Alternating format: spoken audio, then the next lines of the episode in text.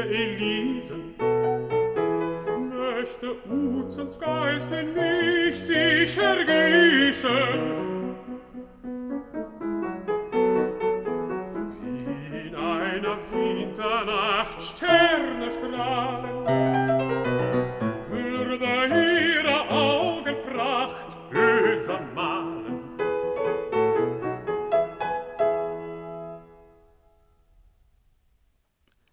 Komiði sæl, það var ekki langt sönglag sem við heyrðum hér á undan en tónsmiðurinn var ekki heldur gamall, talið er að hann hafi aðeins verið 11 ára þegar hann samti þetta lag árið 1782 en lagið kom út á prenti árið eftir.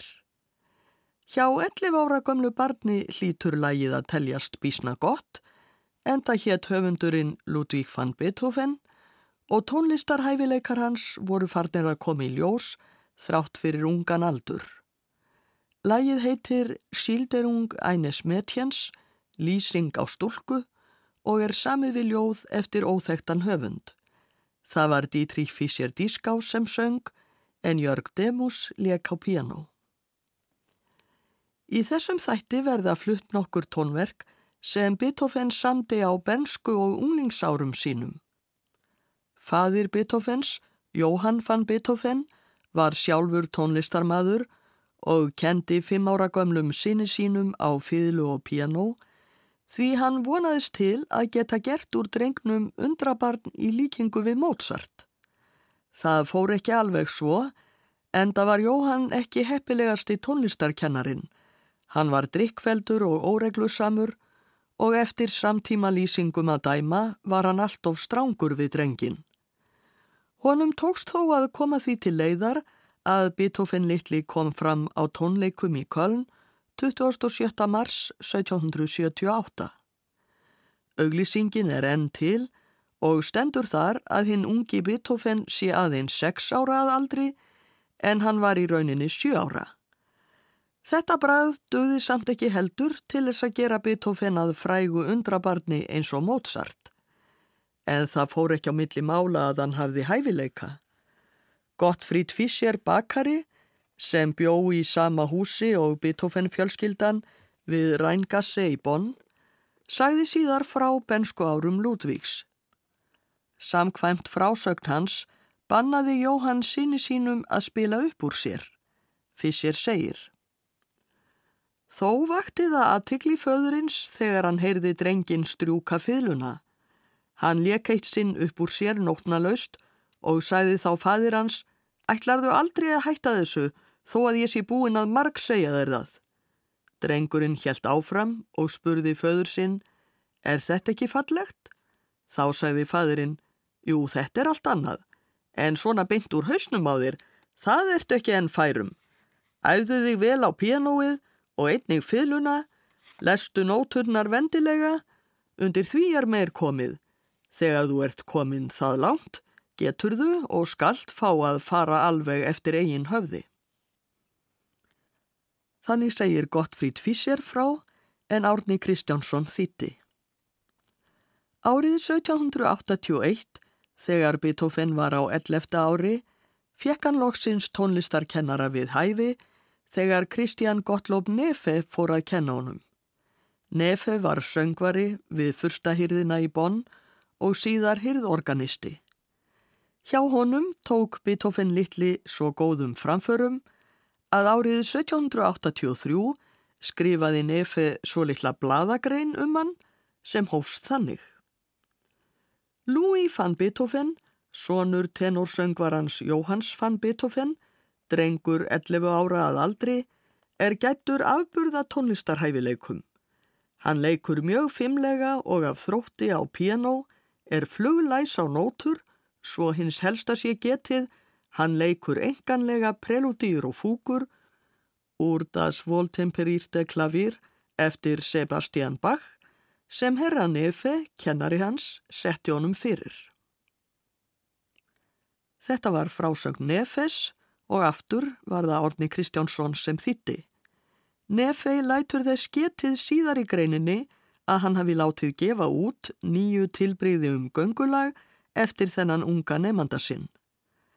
Þetta var fyrsta tónsmið Beethoven sem byrtist á prenti, pianotilbriði við Mars eftir Ernst Christoph Dressler. Verkið er samið veturinn 1782-3 þegar Beethoven var 12 ára gamall.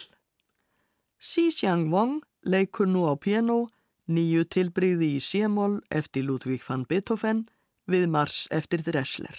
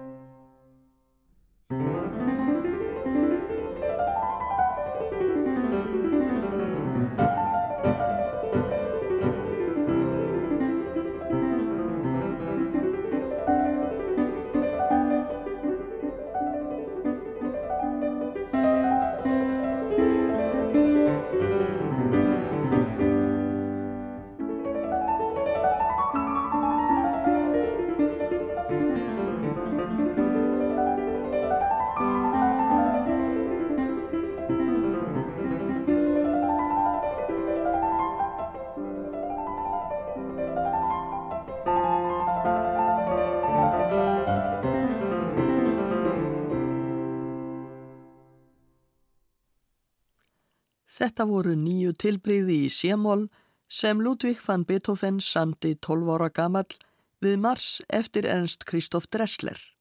Xi Xiang Wong lék á piano. Þennan sama vetur, 1782-3, samdi Beethoven sínar fyrstu pianosónutur og er sannarlega forvitnilegt að hlusta á þær þar sem Beethoven átti síðar eftir að semja ómetanleg snildarverk í þessu tónformi. Pianosónuturnar þrjár sem Beethoven samdi 12 ára að aldri, veturinn 1782-3, voru tilengaðar Maximilian Fríríki kjörfursta Bonn og eru þess vegna kallaðar kjörfursta sónuturnar. Að sjálfsögðu samdi Beethoven verkin undir handarjadri kennara síns, Nefe, og þess ber að gæta að þessi bensku verk hafa ekki opusnúmer eins og síðari pianosonutur Beethovens. Við skulum nú hlýða á fyrstu skref Beethovens á sonutusviðinu. Xi Xiangwong leikur fyrstu kjörfurstasonutuna, pianosonuti í Estur eftir Ludvík van Beethoven. Þættirnir eru þrýr, hinn fyrsta á að leika Allegro Cantabile, Ratt og Söngkæft, annan kabla Andante á göngurraða og þriðji kabli er fjörlegt Rondó.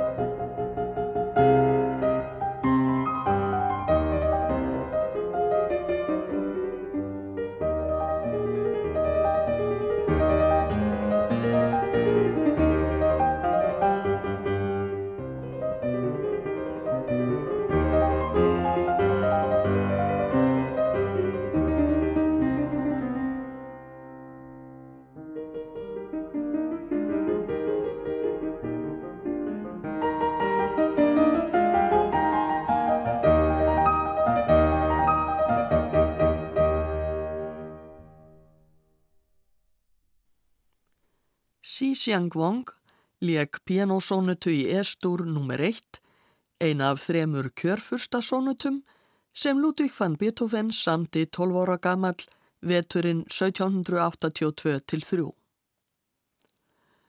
Árið 1783, þegar Beethoven var á 13. ári, var hann gerður sembaleikari í hýrð hljómsveit kjörfurstans en fekk engin laun sem kom sér ítla þar sem fjölskylda hans bjó við kröpp kjör. 15. apríl 1784 dó Maximilian Fridrik kjörfursti, sá sem kjörfursta sonuturnar voru tilengaðar og við tók nýrfursti, Max Frans. Beethoven var nú á 14. ári og hinn nýji kjörfursti gerði hann að öðrum hyrðorganista með launum. Frá þessu ári 1784 er elsti pianokoncert Beethovens sem hefur verið kallaður pianokoncert nr. 0. Því miður hafa hljómsveitarrattirnar ekki varðveist. Hljómsveitarhlutverkið er aðeins til í gerð fyrir piano með nokkrum ábendingum um hljóðfærin. Fleiri en einn tónlistarfræðingur hafa spreytt sig á því að útsetja þessa pianogerð aftur fyrir hljómsveit og við heyrum nú hljóðritun þar sem notuð er hljómsveitargerð eftir Ronald Brautigam. Það er Xi Xiangwang sem leikur fyrsta kabla Allegro Moderato úr pianokoncert nr. 0 í Estur eftir Ludwig van Beethoven. Með Wong leikur Filharmonius Sveit Lunduna og Roger Norrington stjórnar. Katensur eru eftir pianoleikaran.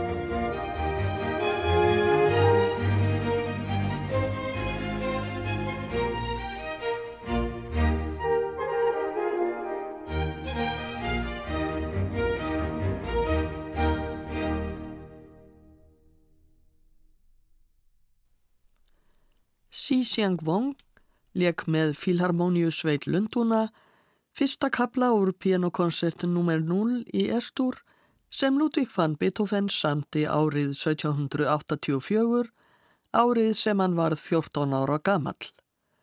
Hljómsveitarratinnar voru endur gerðar af Ronald Brautigam.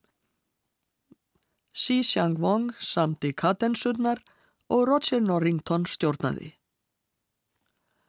Ekki hafa varðveist miklar heimildir um árin 1784 til 1787 í æfi Beethovens, árin sem hann var 13 til 17 ára gammal. Þó er vitað að hann fór í fylgutíma hjá Frans Ries sem var góður vinur Beethoven fjölskyldunar. Og eftir dauða Beethovens fannst í nótnablöðum hans áður óþægt tónverk tríó fyrir piano, flautu og fagott sem talið er samið á unglingsárum hans, sennilega 1786, en samkvæmt því hefur Beethoven verið 15 til 16 ára gammal þegar hann samdi verkið. Talið er líklegt að hann hafi samiðað fyrir aðalsfjölskyldu nokkra í Bonn, Vesterholt fríherra og börn hans. Vesterholt lék á fagott Vilhelm sonur hans var snjall flautuleikari og Marja Anna dóttir hans leik ágætlega á piano og fekk einmitt tilsögn hjá hinnum unga Ludvík van Beethoven. Hér verður nú leikinn fyrsti þáttur, Allegro, úr þessu tríói Beethovens í getur fyrir piano, flautu og fagott. Það er Lucia Negro sem leikur á piano, flautuleikarin er Gunilla von Bahr og fagotleikari Knut Sönstevól.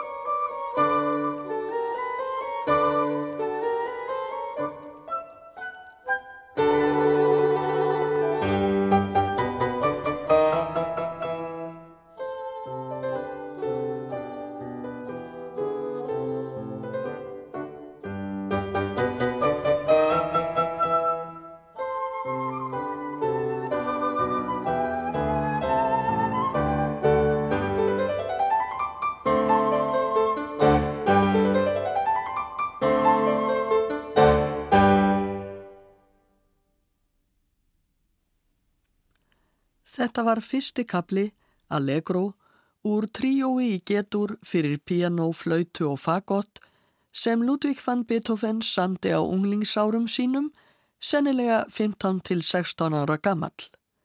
Lucia Negro leik á piano, Gunilla von Bar á flautu og Knut Sönstevold á fagott. Í upphafið þessa þáttar heyrðum við stutt sönglag sem Beethoven samti 11 ára gammal. Við heyrum nú að lokum annað sönglag eftir Beethoven sem byrtist á prenti árið 1784 þegar Beethoven var á 14. ári. Lægið heitir An einen Säugling til Kornabarts og er samið við ljóð eftir Jóhann von Döring. Skáldið virðir fyrir sér ungbarn sem sígur brjóst móður sinnar á þess að vita hver hún er. Þannig erum við gagvart Guði, segir skáldið. Við vitum ekki hver það er sem hugsa um okkur. Vera má að unglingurinn Beethoven hafi hugsað til móður sinnar, Maríu Magdalenu fann Beethoven þegar hann samt í lægið, en hann sagði síðar um hana að hún hefði verið sinn besti vinnur. Þegar hann samt í þetta lag var hún enn á lífi, en hún dó sömarið 1787 þegar Beethoven var 16 ára gammal. Adele Stolte syngur lægið An einen Säugling eftir Ludwig van Beethoven og Walter Olberts leikur á piano. Ég þakka hlustendum samfildina, veriði sæl.